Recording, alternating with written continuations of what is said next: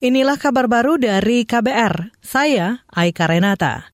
Pemerintah terus membangun kawasan Likupang di Minahasa Utara, Sulawesi Utara sebagai destinasi wisata super prioritas. Penetapan Likupang sebagai destinasi super prioritas bersamaan dengan Danau Toba, Labuan Bajo, Mandalika, dan Borobudur.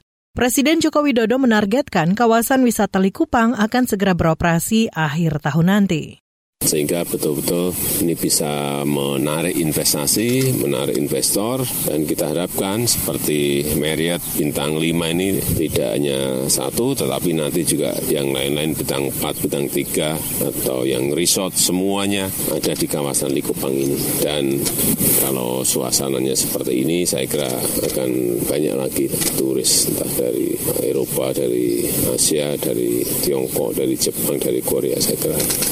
Presiden Jokowi menambahkan, pemerintah juga sudah menyiapkan infrastruktur pendukung pariwisata destinasi super prioritas di Likupang, seperti pembenahan bandara hingga jalan akses darat dan laut. Jokowi juga optimistis devisa dari sektor pariwisata di Likupang akan semakin meningkatkan pertumbuhan ekonomi Sulawesi Utara. Beralih ke informasi hukum, Lembaga Perlindungan Saksi dan Korban LPSK menilai tuntutan jaksa penuntut umum terhadap terdakwa Richard Eliezer seharusnya lebih rendah dibandingkan tuntutan kepada terdakwa Putri Chandrawati.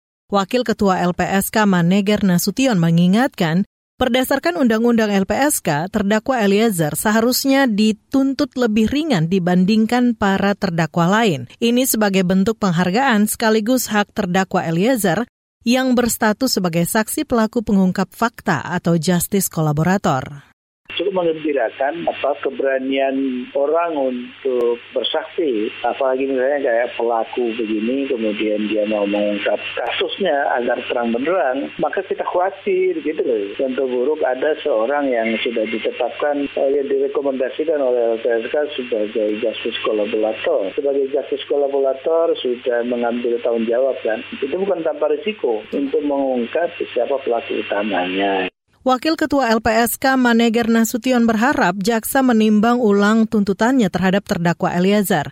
Maneger juga berharap majelis hakim dalam memberikan vonis lebih mempertimbangkan aspek keadilan. Saudara, kemarin jaksa penuntut umum menuntut agar hakim menghukum terdakwa Richard Eliezer dengan hukuman 12 tahun penjara. Salah satu hal yang memberatkan karena Eliezer merupakan eksekutor terbunuhnya Brigadir Yosua Huta Barat atas perintah atasannya Ferdi Sambo. Kita ke informasi olahraga dari cabang bulu tangkis. Pemain tunggal putra Indonesia Jonathan Christie mengalahkan wakil Cina Chao Chun Peng di babak kedua turnamen India Terbuka 2023.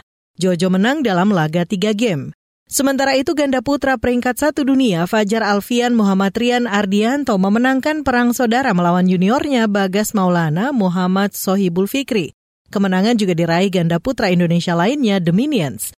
Pasangan Markus Gideon Kevin Sanjaya menang dramatis tiga game dari wakil Cina. Di nomor ganda campuran, dua pasang wakil Indonesia tumbang. Dejan Ferdinansyah Gloria Emmanuel Wijaya kalah dari wakil Jepang. Sedangkan Rehan Lisa juga gagal ke babak perempat final dikalahkan unggulan Cina. Sementara itu tunggal putra Anthony Sinisuka Ginting malam ini akan bertanding melawan andalan Thailand Kantapon Wangcharon. Demikian kabar baru dari kantor Berita Radio KBR. Saya Aika Renata.